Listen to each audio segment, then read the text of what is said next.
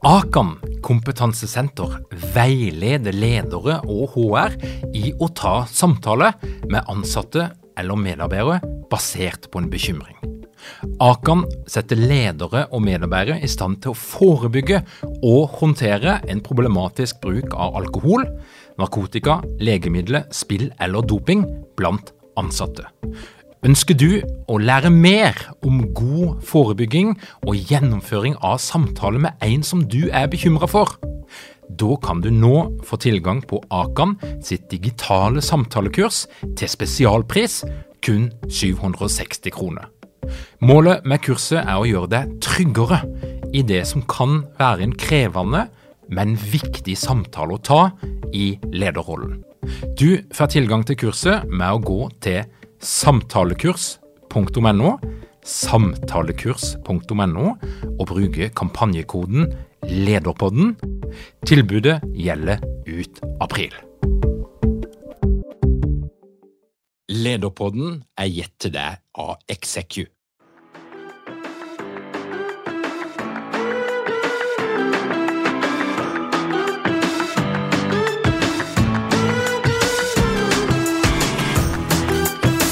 Velkommen til Lederpodden.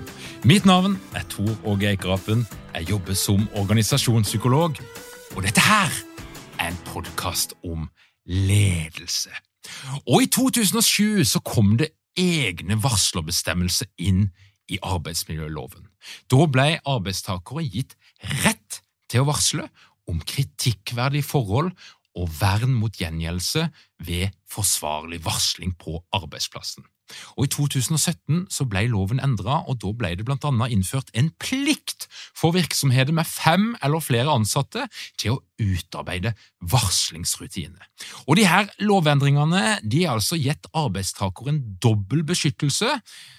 Og Nå er vi ganske nerdete her, men dette her er altså hjemla i Grunnlovens paragraf 100, retten til ytringsfrihet, og i arbeidsmiljølovens varslingsbestemmelse.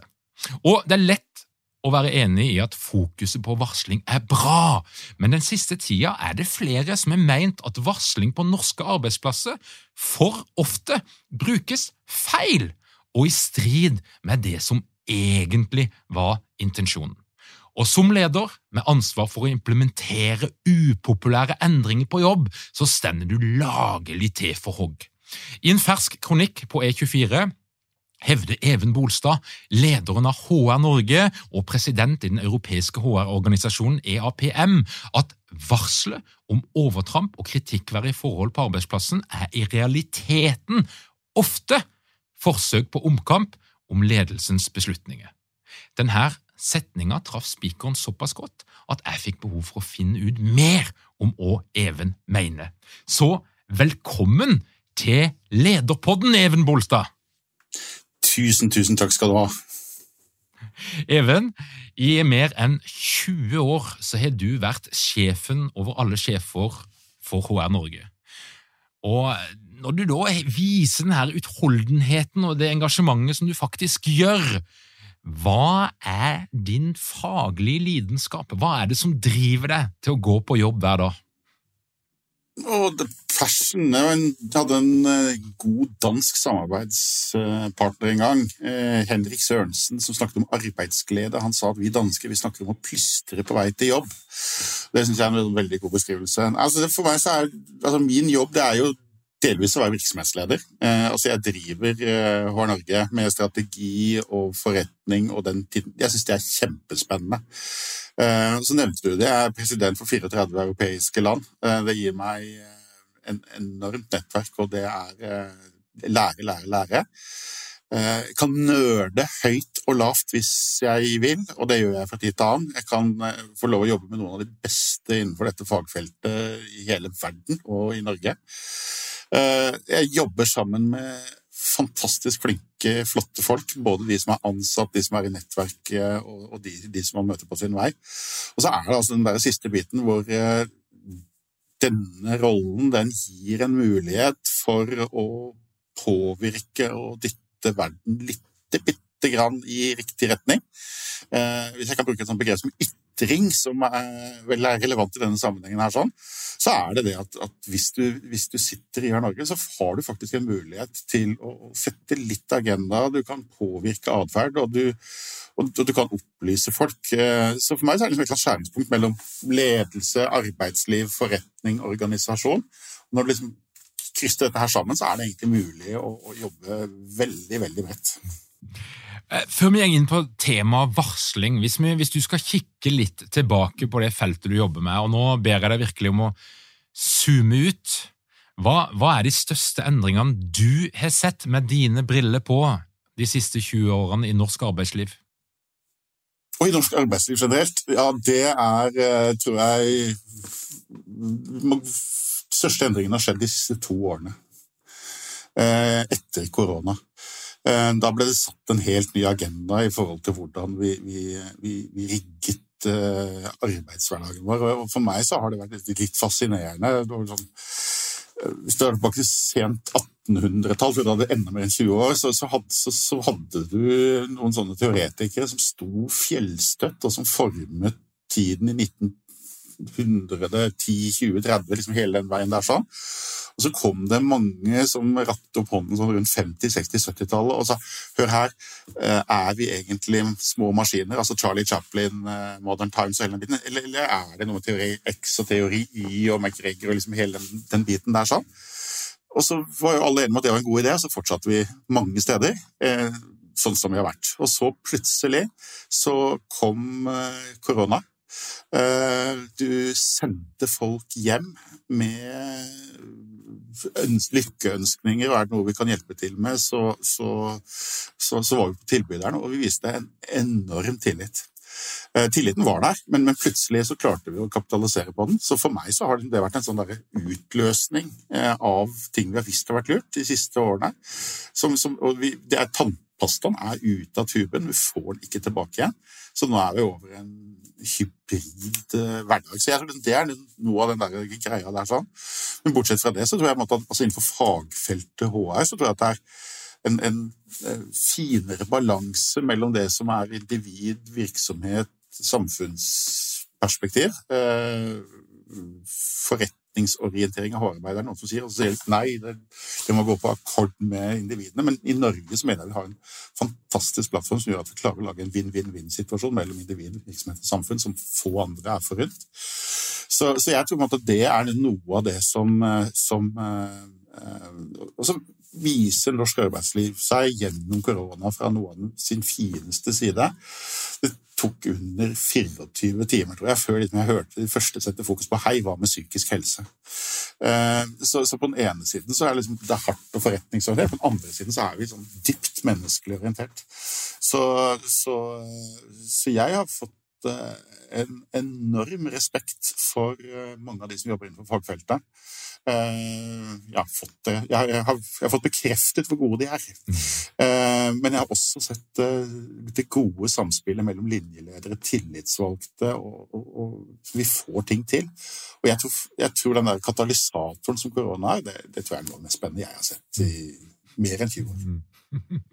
I denne tida da, så har jo også vårt syn og vårt fokus på varsling, på konflikter, mobbing og trakassering, eh, seksuell trakassering, eh, gjennomgått ganske store endringer. og Vi gikk jo ifra litt sånn stearinlys og la, nå må vi snakke om det, til noe litt mer juridisk og hardt. og Ståle Einarsen en mann som har vært på denne poden et par ganger, som er en, en aktør i dette her. Men hva, hva, er det du har sett hos dere og hos dine medlemmer? Hva har endra seg innenfor dette feltet de siste årene? Jeg, jeg tror, altså, Hvis vi igjen tar lange, lange løpet, så startet jo du eh, men, men, jeg tror vi kan gå tilbake til 70-tallet, eh, og faktisk før det også, så kom begrepet whistleblowing. Eh, og for de som er enda yngre enn meg og deg, så kan man jo google Enron og, og, og Arthur Anderson, et revisjonsfirma som gikk med i dragsuget av en kjempeskandale sånn rett etter årtusenskiftet. Eh, hvor, hvor varsling ble institusjonalisert som begrep. Og så var du innom metoo arbeidsmiljøloven, og noe med EU-direktivet og alt mulig sånt. Altså, så, så, så, så, vi har gått en, en vei på dette. Eh, og, og, du var også innom dette rettsliggjøringen. Eh, og jeg syns jo noe av det spennende med området, det er jo den der, på den ene siden så er vi enige om at dette handler i veldig veldig stor grad om relasjoner, mennesker som stoler på hverandre, mennesker som oppfører seg bra. Um, og på den andre siden så får vi altså den rettsliggjøringen som, som, har mye bra i seg, men som også har i seg en del dilemmaer. Uh, jeg tror at det å snakke om det faktisk ligger i bånn. Uh, og at vi, at vi, adresserer det. Altså det. Hvis du ser på Lykkeland, det er en herlig norsk serie uh, om olje, oljens tidligere perioder i, i, Norge. Og noe av det vi får beskrevet der, det er, det er, jo sånn som noen av oss kanskje husker sånn så vidt det er. Men det er en annen tid. Uh, Mad Men, er det ikke den heter? Den som går på Netflix. Altså det er en du tror det ikke før du får se det, men, men, men det er ikke så fordømt lenge siden. altså. Og, og, og, og det å eh, ta et oppgjør med nedarvede holdninger eh, Jeg snakket med generasjonen før meg eh, som snakker om etterkrigskulturen. Og det vi ikke snakker om, altså det å orge ting, er et begrep. Eh, det å rett og slett bare ta ut ting fra arbeidsgiver og bruke det privat, det var helt greit på 50-, 60-, 70-tallet. Og så er det høyst ugreit i dag. Eh, så det er mye som har vært i, i endring. Og det er å, å, å, ha den dialogen og jobbe preventivt. Og, også, og jeg syns jo at uh, arbeidsmiljøloven har jo vært en flott ting. Jeg har dypeste respekt for arbeidsmiljøloven fra 77. Jeg jeg syns kanskje den hadde noen av de vakreste kapitlene i arbeidsmiljølovens historie. Men ikke fullt forsvarlig arbeidsmiljø det ligger jo i bånn, i planke. Det er, ikke sant? Eh, dette med eh, undersøkelsesplikt, eh, og hvis noe går gærent, så, så skal du faktisk ha en gjenopprettingsplikt. Dette er, dette er gammel juss. Altså styringsrett er det mange arbeidsgivere som liker, for da kan du styre og herse. Nei, du kan ikke det. Du kan styre. Men med styringsretten så finnes det også en styringsplikt. Du må ta tak. Eh, men det finnes også en omsorgsplikt. Eh, så, dette er veldig sånn fint balansert. Du har ytringsfrihet, eh, som du, du, var innom, ikke sant? og så har du samtidig en lojalitetsplikt mot arbeidsgiver. Ja, hvordan skal nå den balanseres? Og så er det veldig mye sånn i det skjæringspunktet med, med, med jussen. Og er, jeg er en av de som kanskje er litt kritisk til at ting blir rettsliggjort. Men, men, men eh, jurister som snakker til jurister, de, de, tar liksom ikke, de, tar ikke, fem flate øre for å snakke om resignasjonsplikt, i den tro at andre skjønner hva de snakker om. Men, men, men, men, det er en del sånne begreper som også ligger inni dette her, sånn, som fremstår som, og er veldig presise for de som er på innsiden. Men for veldig mange av de som står i en varslingssituasjon, så, så kan det faktisk også være fremmedgjørende. Så noe av dette, altså Ledelse handler for meg om å vasse dilemmaer og paradokser, og, og, og dette her er et av de beste og verste områdene, hvis jeg kan si det sånn. Og Varsling altså det er jo noe da som flere og flere er blitt opptatt av. Skal du være leder i en norsk virksomhet i dag, så må du ha en ganske mye kunnskap om en del formaliteter som du før ikke trengte å tenke så mye på. Men, men, men, men det, er, det, er, noen som vil se på det som en profesjonalisering av norsk arbeidsliv. og Hvis vi holder oss på det sporet der, Even, hva, hva er det som er positivt da, med det fokuset vi har fått på varsling og de mulighetene som finnes hvis du opplever at noe er galt på din arbeidsplass? Jeg likte, jeg likte, veldig godt innledningen din, hvor du liksom på en måte betonte det positive. Eh, fordi at eh, Det var en som sa det at eh, Etter at jeg hadde den eh, kronikken i E24, så, så skrev han at Veldig viktig innlegg, sa han. Eh, vi må røkte om varslingsinstituttet. Begrep jeg ikke hadde brukt, men jeg syns det satt som et skudd. Fordi at det er så innmari viktig. Og, det betyr også å ta noen av de tingene som, som, ikke er så bra. Men for meg så handler det, det handler om verdier. altså Det handler om ytringsfrihet. Som, som, det handler om kriminalitetsforebyggelse. Det handler om å, å ha et godt arbeidsliv. Den, den ligger i bånn. Og så tror jeg det er innmari godt med, med både diskusjonen, men også med lovgivningen, at vi på alle nivåer og i alle roller så har vi fått en bevisstgjøring eh, som påvirker atferd. Eh, det er ja, det er juss, og, og, det var en undersøkelse av Fafo for noen år siden som vel sa 73% på det tidspunktet, jeg lurer på det er tre-fire år siden, vi kjente til eh, at reglene sånn noenlunde. Samme undersøkelse sa at 55% av de store virksomhetene, du sa det var fem pluss, men Og de store virksomhetene de har rutinene på plass. Eh, det er en systematikk som ikke var der på forhånd. Eh, jeg tror det er en eh, opplevelse av sikkerhet for den som varsler, som ikke var der tidligere. I realiteten så er det altså ikke store forskjeller fra det som alltid har stått i arbeidsmiljøloven. men nå har liksom fått en litt sånn liten sånn kladd av bestemmelser med, om varsling, som er veldig lett å forholde seg til, men som egentlig ikke passer inn i arbeidsmiljøloven, men det er kanskje en annen pod. Men, men, men, men eh, men du har veldig, aldri vært tillatt å drive med gjengjeldelse i Norge. Det er, liksom, det, det er, ikke noe nytt i det, men, det, er, det, er, tydeliggjort. Og så er det kanskje det som er forskjellen. Det er noe som er delt bevisbyrde. Det er liksom der som er den endringen med, med, med lovgivningen sånn på jussen. Men så tror jeg liksom uh, Akan de sier 'ta praten', sier de. Og jeg tror kanskje det er noe av det aller, aller viktigste. Det er, liksom, det er den praten som stimuleres gjennom dette, gjennom, gjennom lunsjbordet, det at du kan sette deg ned med løs snipp med verneombudet, eh, AMU, eh, før ting blir et problem. Eh, og for meg så handler det, handler det også om, rett og slett om å bygge en god kultur. Eh, det skal håndteres på laveste effektive nivå. Det er noe av poenget som forutsetningsvis er bygget inn i eh, loven og systematikken. Men der har den kanskje slått litt feil, eh, fordi at når det tar av, så tar det. Og, og, og eh, vi har jo også hatt disse amerikanske sakene.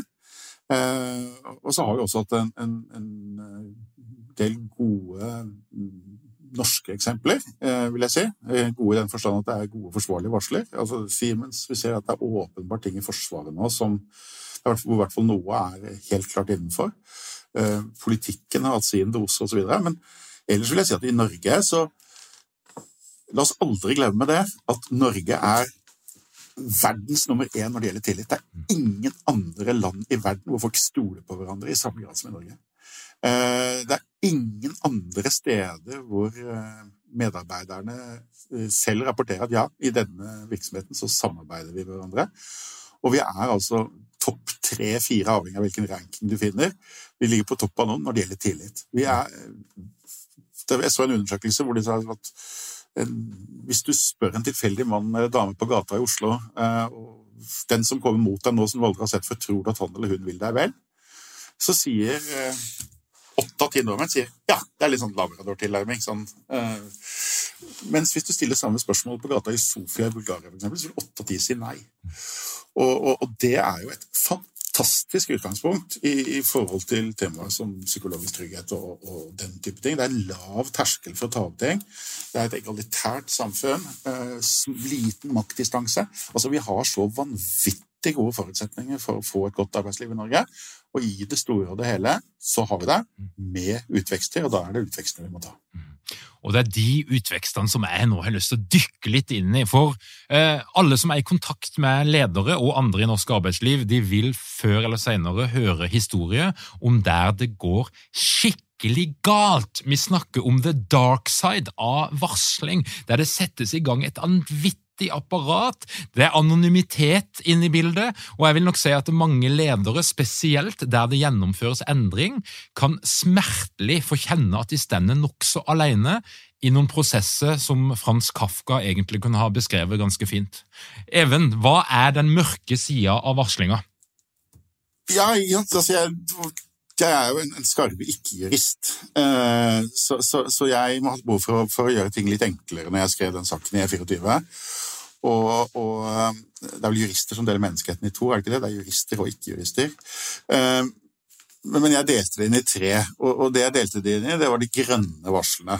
Eh, det er de gode, det er de vi heier på. Det er de som har en, en positiv intensjon, og som, som, tilfredsstiller de tre kumulative kravene om akt som god tro, det skal ha allmenn interesse, og at du skal varsle internt før du varsler eksternt. De tre tingene skal ligge i bånn. Eh, dette er liksom de grønne, grønne, grønne. Kjør på. Problemet, sier de jeg snakker med, det er, hører jeg fra advokater, jeg hører det fra HR-direktører, jeg hører det fra granskere, jeg hører det også fra tillitsvalgt, eh, et flertall av de tingene som plutselig havner inn i en sånn varslingskanal, det er hva jeg har stemplet som enten grå eller sorte varsler. Eh, de grå er den største. Absolutt den største. Eh, og, og, og det er veldig ofte misforstått. Eh, for det første så er det de som tror at varsling er en måte å, å ta opp egne arbeidsforhold og egne arbeidsvilkår på. Den som er den største bolken, det er de som ønsker å ta omkamper de som har en, en, en, De er oppriktig uenig i den beslutningen som er fattet. Eh, og, så, og, så, vil de klage, omtrent som varslingssystemet er en sånn appelldomstol. Eh, eh, og så er det også det som du, du refererte til Ståle, som er en fantastisk fin fyr, og, og som sier ting eh, veldig tydelig. Han sier noe sånt som at de er utsatt for ledelse.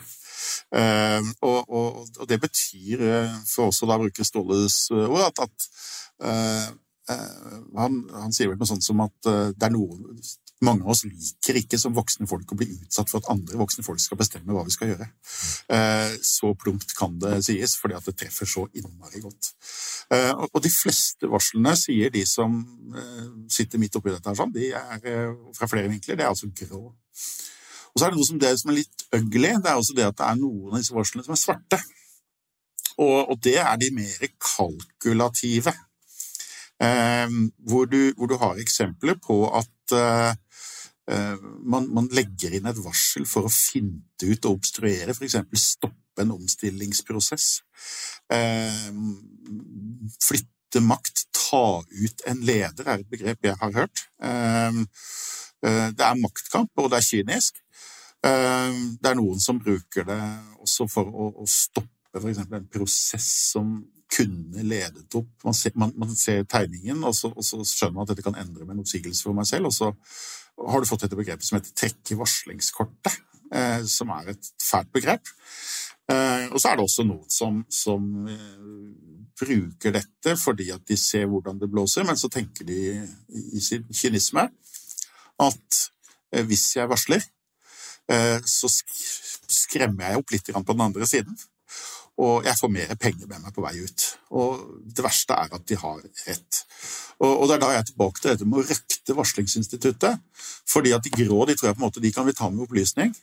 Eh, men de sorte de, de, de, må vi faktisk også adressere. Så, så jeg tenker at vi har, vi har, gått fra den ene kreftekanten med, med Mad Men og, og Lykkeland og, og Weinberg og liksom den der greia der sånn Eh, Weinstein het den. Eh, Weinberg var en annen. Eh, og, og, så må vi bare passe oss så vi ikke ender opp i den andre Kafka-kreften. Men, men at, vi, at, vi, på en måte kan være enige om at det finnes to kreftekanter. Og at det vi må gjøre som ledere, som tillitsvalgte, som verneombud, som ansatte, som også har en plikt i dette, her, sånn, det er, det er, å sørge for å røkte varslingsinstituttet så at vi holder oss på veien og ikke ender ut i Har dere mange ledere uten trening eller utdannelse innen ledelse? Mangler dere en felles kultur og praksis for ledelse? Ønsker dere å være bedre rustet for fremtidig vekst og endring? Da kan et internt lederutviklingsprogram være en god investering. I Execu så er vi eksperter på å designe og gjennomføre bedriftsinterne lederutviklingsprogram. Hvis du ønsker å lære mer om hvordan vi kan hjelpe dykken til å få enda bedre ledere, ta og klikk deg inn på execu.no.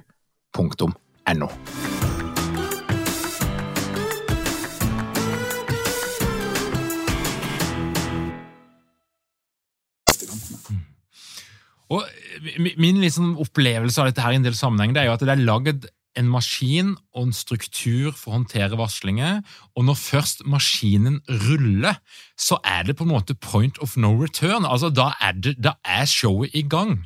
Da, da, er det bare å vente på sykemeldingene. Hva, hva, hva, handler dette her om, hvis vi skal se litt på HR-sida? Altså, der Mange har gjort en kjempegod jobb, de har bygd eh, strukturer og systemer for å håndtere det, men allikevel så er det et eller annet som av og til går galt. Ja, det er mye god ingeniørvitenskap i denne maskinen her, og, og mange jurister som har brukt mye tid. Mye tid.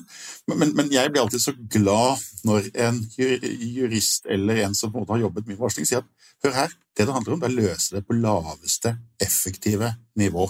Mm.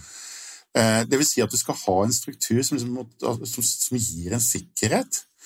Men du må, selv om det kommer inn i maskinen, så er det ikke sikkert at varslingen skal komme ut fiks ferdig pakket som en, en ferdighåndtert gyldig grønn varsel i den andre enden.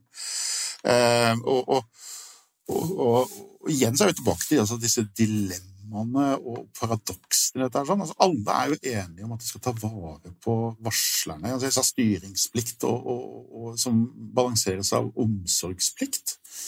Men, men, for å ta det eksempelet, da. Altså når når noen blir varslet på. For veldig ofte så er jo dette en, en Det skal jo være en, en, sakskonflikt, veldig ofte en systemfeil, den type ting. Men så blir det en, en kald konflikt blir varm, eh, personliggjort osv., osv. Og så plutselig så, så, så, sitter altså en eller annen som har fått en oppdrag og gjør en jobb, um, og føler seg puttet inn i en eller annen form for Kafka-prosess. Altså, øh, de kommer etter, med, med, og du, du, hører liksom hundene ned i bakken. Og, og, og, det som jeg har sett en del eksempler på, og, og, det tror jeg mange andre har også, det er jo det at man på en måte eh, blir så opptatt av å ta vare på varsleren at man glemmer den omvarslede. Eh, og at dette er dypt ubehagelig. Eh, det er et grunnleggende rettsprinsipp, dette med kontradiksjon. At alle skal, Kommer den ene til ordet, så skal den andre få innsikt i hvilke beslutninger som, eller hvilke påstander som er fremlagt, og, og få lov å si imot. Oi, der fikk du et lite problem i forhold til anonymiteten, f.eks. Ikke sant? Eh, og så plutselig så, så, så ruller og går dette i den ene saken og, og, ikke nok med det, som de sier på NRK. Men, men, men, når denne saken da kanskje er sluttet med, med at intet kritikkverdig har skjedd, så kan det fortsatt være et sånt lite stigma som ligger ved Var ikke det han som hadde den varslingssaken på seg, eller hun som hadde den varslingssaken på seg? Og, og er, du er du har ikke sjans. Du har ikke sjans. Og, og, og da går det på, på karriereautoriteten du skal ha videre i en endringsprosess, osv., osv. Og, og, og, det er også noen som har snakket om det var en artikkel i, for en, en, del år siden om, om ledermobbing, eh, som også er en bit av dette. her. Sånn, altså, ledere har, eh, oppfatter eh, like mye kriteriene for mobbing. De opplever like mye mobbing, de som andre ansatte, men de rapporterer mye mindre. Eh, det skyldes nok sannsynligvis at ledere er eh, de, er, liksom, de ser det, det er en del av jobben å være søppelbøtte. Eh, de har kanskje sånn seleksjonsmessig og treningsmessig en, en litt annen toleransegrense, og, og, det kan være andre grunner også. Men, men, men, men, det er ikke greit, det heller. For veldig mye av disse varslingene de går jo på, på lederne. Mm. Også, og det kan jo også gå på kolleger, for den saks skyld. Jeg, jeg, tror også at hvis du sitter også og har fått et oppdrag, en ubehagelig endringsjobb f.eks., som, som du vet liksom, det skal tas tak, uh, så, så, så, er jo det ofte en konsekvens av den negative siden av norsk lederskap. Altså Av og til så er jo vi blir jo vi beskyldt for at vi er så demokratiske og så lyttende og alt mulig sånt at, at ting får putter og gå for lenge. Eh, særlig offentlig sektor får ofte kritikk for det. Ting blir gående og putter, og så plutselig så blir det uhåndterlig, og så skal man ta tak. Eh, da vil fort varslingene komme fra den som er en del av dette. Eh, og det er liksom også en part of the game, at, du må være forberedt på det. Men hvis du skal gjennomføre en endringsprosess, så vil jo dette her være veldig krevende og nærmest fungere som en avsporing. Eh, hvis eh, du blir satt patt for den som liker sjakk eh, altså du, blir, du, du, kommer ikke videre, du får ikke gjort jobben din. Fordi at prosessen blir satt på et sidespor mens man behandler denne varslingen.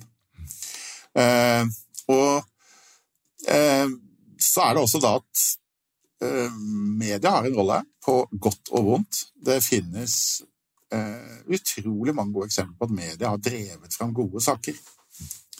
Men å si at media alltid bidrar konstruktivt i en sånn sak, det tror jeg selv, eh, selv litt stolte journalister, og kanskje nettopp de, vil være enige om at eh, det at journalister fungerer som, som etterforsker, dommer og bøddel, De jager i flokk, og det handler om å være tidlig ute, mest mulig sensasjon, generere klikk osv., osv., osv. Altså den minst stolte delen av den journalistiske tradisjonen. De jager i flokk.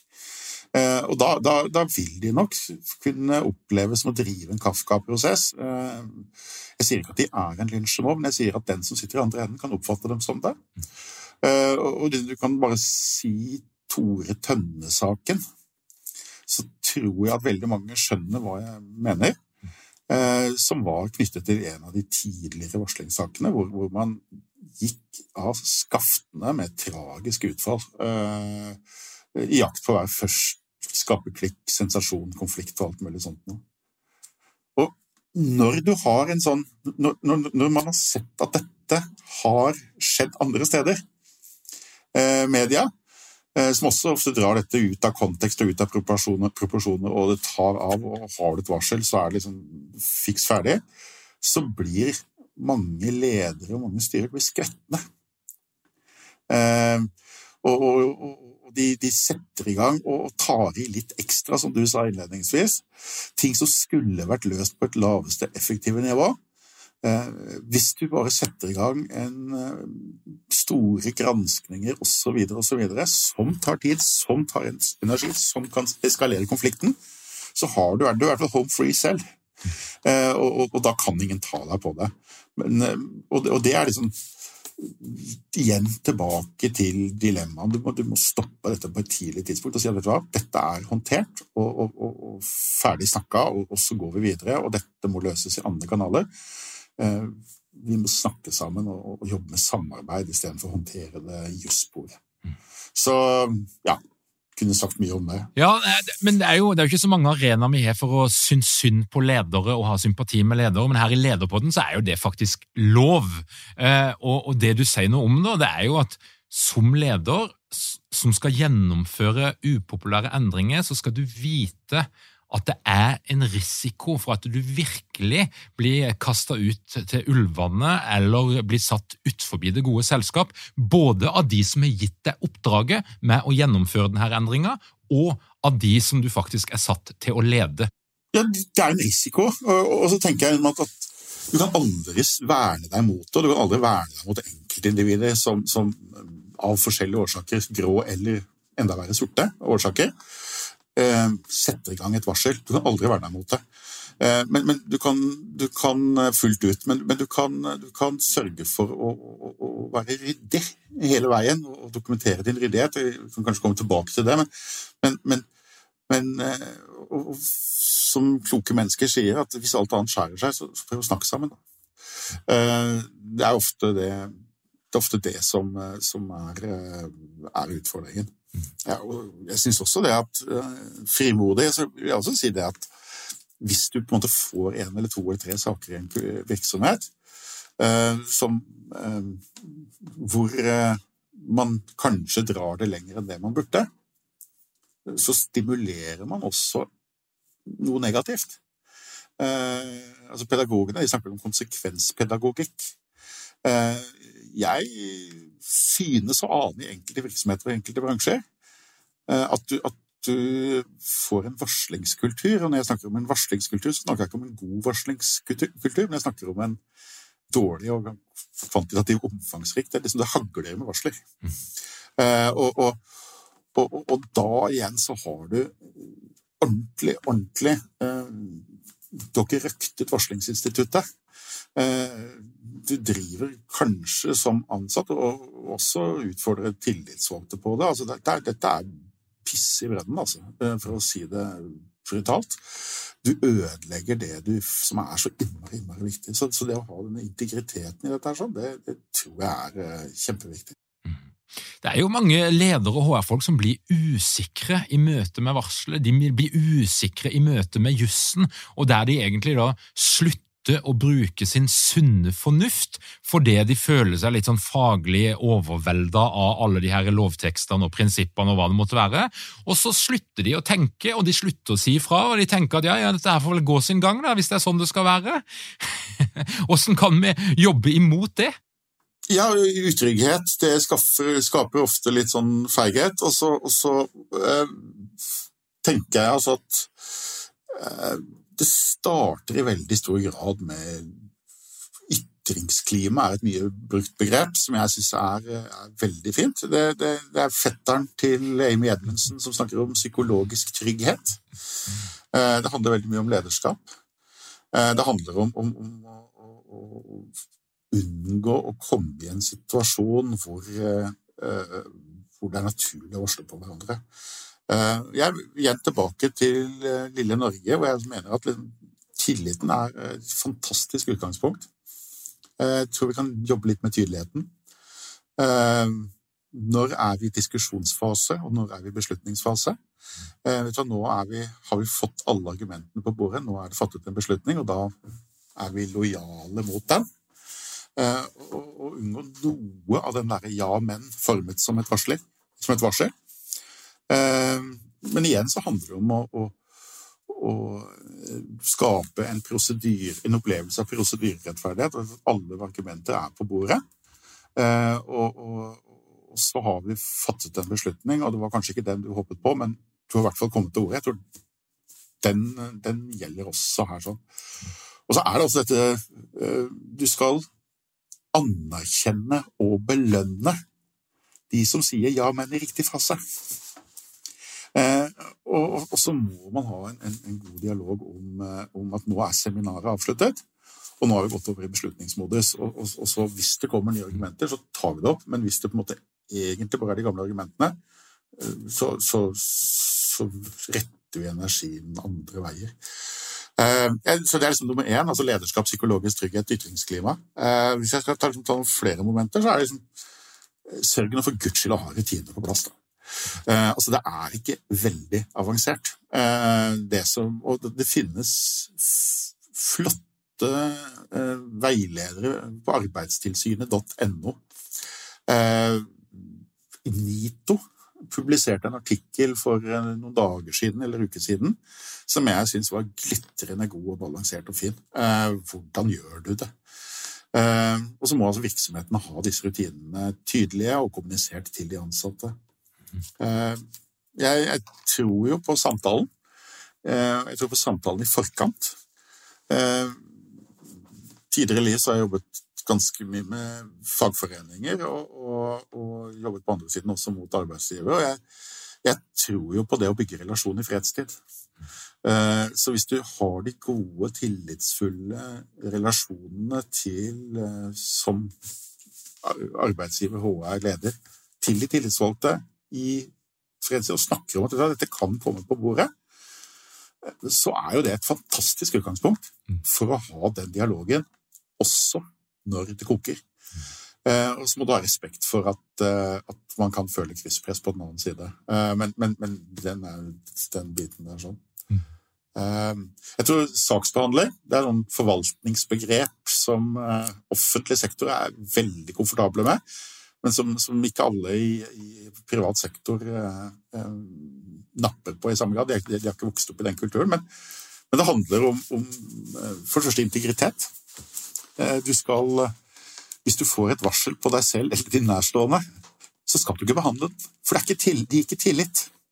Eh, det kan godt si at du selv mener at du klarer å håndtere det, men det gir ikke tillit. Eh, det handler om å dokumentere, det handler om å, å, å synliggjøre hvem er som, hva er som er oppfølgingen av det, hva er det som ble utfallet. og Dokumentasjonen til syvende og sist, hvis noen kommer etter deg, så er det dokumentasjonen som er det som gjør at du eventuelt tryner, selv om du selv mener at du har håndtert det bra.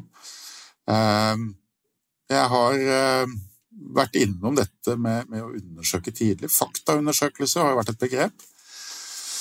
Du behøver ikke rulle i gang det store maskineriet sånn i første omgang. Du kan ta en faktaundersøkelse, så kan du finne ut liksom, hva er tilfellet. Innhente den ene uh, sitt synspunkt. Uh, få kontradiksjonen på plass. Den andre sitt synspunkt. Noen som har observert. Finne noe dokumentasjon. Og, så tar, og dette, er, dette er jo sånn eh, granskning very light. Mm. Eh, men ofte er det det som skal til. Og så sier vi at vet du hva, intet er funnet. Vi legger det til side, og så tar vi og følger opp den utfordringen her på en annen måte. i et lederskapsspor veldig ofte. Eh, eller så sier de at vet du hva, dette her er det grønnskjær over, og vi, det fortsetter inn i granskingskanalen. Eh, og I den sammenhengen så nevnte jeg liksom omsorgsplikten. Eh, du har en varsler som skal ha omsorg. Du har den omvarslede, som har et likeverdig krav og behov for omsorg. Eh, eh, men du har også virksomheten. Eh, og virksomheten består både av forretningsmessige resultater, du har et kollegafellesskap som veldig veldig ofte blir berørt av at man har en varslingssak putrende gående. Mm. Og der kommer du altså igjen på et nytt dilemma. Skal dette gå fort? Ja, det er en fordel å få lukket det lavest mulig og raskest mulig. Eller skal man prioritere soliditet, og, og, og, og her kommer granskerne? Mm. Eh, det, det, det, er et reelt dilemma. Eh, så jeg tror det er noe av, av utfordringen. Så altså, ikke la oss glemme det at hvis du mener at du har et svart varsel, så tror jeg det er viktig ikke å, å, å si at det står vi søren i. Mm. Eh, vi, vi lar oss ikke kjøpe ut, vi kjører den. Fordi at eh, det er så innmari viktig for ikke å få produsere den negative varslingskulturen. Eh, igjen så er det konsekvenspedagogikk og, og, og, og, det å ikke være skvettende, eh, men, men, å stå i det. Og så er det altså ikke så hakkende komplisert, dette her. Eh, skaff deg gode støttespillere. Og, og Anette Selmer, som er en særdeles klok konfliktmegler og advokat. Hun sier vel du skal ha et varmt hjerte og et kaldt hode, sier hun. Det er alltid det hun kommer tilbake til. Og, og, og det er jo egentlig utgangspunktet. Så liksom, da er vi tilbake til lederskap og, og medarbeiderskap og kollegaskap. Eh, snakk om det. Og det, det, jeg hører her, da, det er jo, eh, som jeg sitter igjen med som en sånn viktig del som kan egentlig gå rett inn i prosedyren, det er jo den her screeninga på et tidlig tidspunkt. Snakker vi om et grønt, grått eller svart varsel her? og der starter det, og da må vi ha noen eh, fornuftige perspektiver for å validere det. Hvis ikke kan det gå galt av sted. Og så må de forskjellige aktørene ha en noenlunde omforent forståelse av hvordan prosedyren er. Mm. Så hvis virksomheten sitter og har mentalt bilde av eh, tre sluk. Det ene er grønt, det andre er grått og det andre er svart. Mm. Med mulighet for faktisk å, bytte sjakt etter hvert som man får disse faktaundersøkelsene. Så, så er det, ikke, det er ikke noe ulempe om f.eks. verneombudet har det samme mentale bildet. Mm. Eh, det, det, tror jeg på en måte er, er en, en, veldig veldig god start. fordi at til syvende og sist så handler det om å, om å finne ut hva som har skjedd. Eh, undersøke eh, og gjenopprette. Du skal, du, du skal, leve ofte sammen eh, etter et varsel. Og, det å ikke, ikke, dra på så mye at det som måtte være igjen av tillit, også går føyka, det kan det hende at det er enkelte som nedprioriterer eller glemmer underveis. Even, er det noe som jeg ikke har spurt deg om, men som du har lyst til å melde ut til alle de lederne som hører på Lederpodden, så har du sjansen nå. Lederskap er viktig. Eh, eh, det er det i veldig, veldig stor grad linjelederne som tar seg av. Eh, spill på HR. Mange som jobber med HR, er ganske så gode i dette her. sånn. Eh, og, HR har ofte også en, en tillit uh, i flere leire som, som er kjempeviktig i, i, denne saken. her sånn. Uh, og jeg vil også si utfordre HR til å, å, å, støtte lederskapet. uansett hvilken posisjon HR er i, så er det del av lederskapet, uansett om de sitter i formelle lederroller eller, eller ikke. Verneombudet, gode verneombud, er gull for virksomheten sørg for all del for at de er med i, i uh, loopen. Uh, og selvsagt uh, altså HR Norge er jo kompetanseorganisasjon for alle som er opptatt av organisasjon og ledelse. Og jeg forutsetter at alle er medlemmer i HR Norge, så det er det siste gode rådet jeg vil gi på helt objektivt grunnlag. Tusen hjertelig takk, Even. Her var det masse gull å ta med seg. Og du skal ikke se bort ifra at jeg prøver å få deg tilbake igjen i Lederpodden, for dette her var nydelig. Tusen hjertelig takk for at du ble med. tusen, tusen takk for at du inviterte meg, og tusen, tusen takk for at du ga meg tilgang til talerstolen for å adressere noe som jeg syns er kjempeviktig. La oss røkte om varslingsinstituttet, for det er faktisk ekstremt verdifullt.